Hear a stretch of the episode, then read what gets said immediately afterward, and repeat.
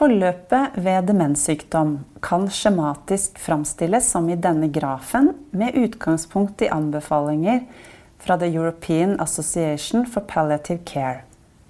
De ulike målsetningene, skissert i figuren, kan være aktuelle samtidig, men prioriteringen vil endres ettersom sykdommen utvikles. Som vist i grafen er forebygging av demens et viktig fokus. Når en person først har fått en demenssykdom, vil sykdommen utvikles i tre faser. Fra lett grad til moderat grad og deretter til alvorlig grad. I første fase vil livsforlengelse til en viss grad være viktig.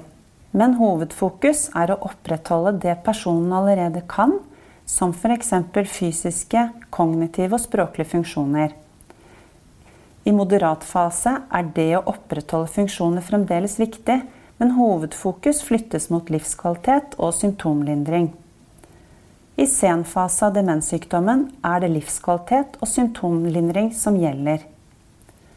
Støtte til pårørende er viktig hele demensforløpet, også etter at personen med demens er død.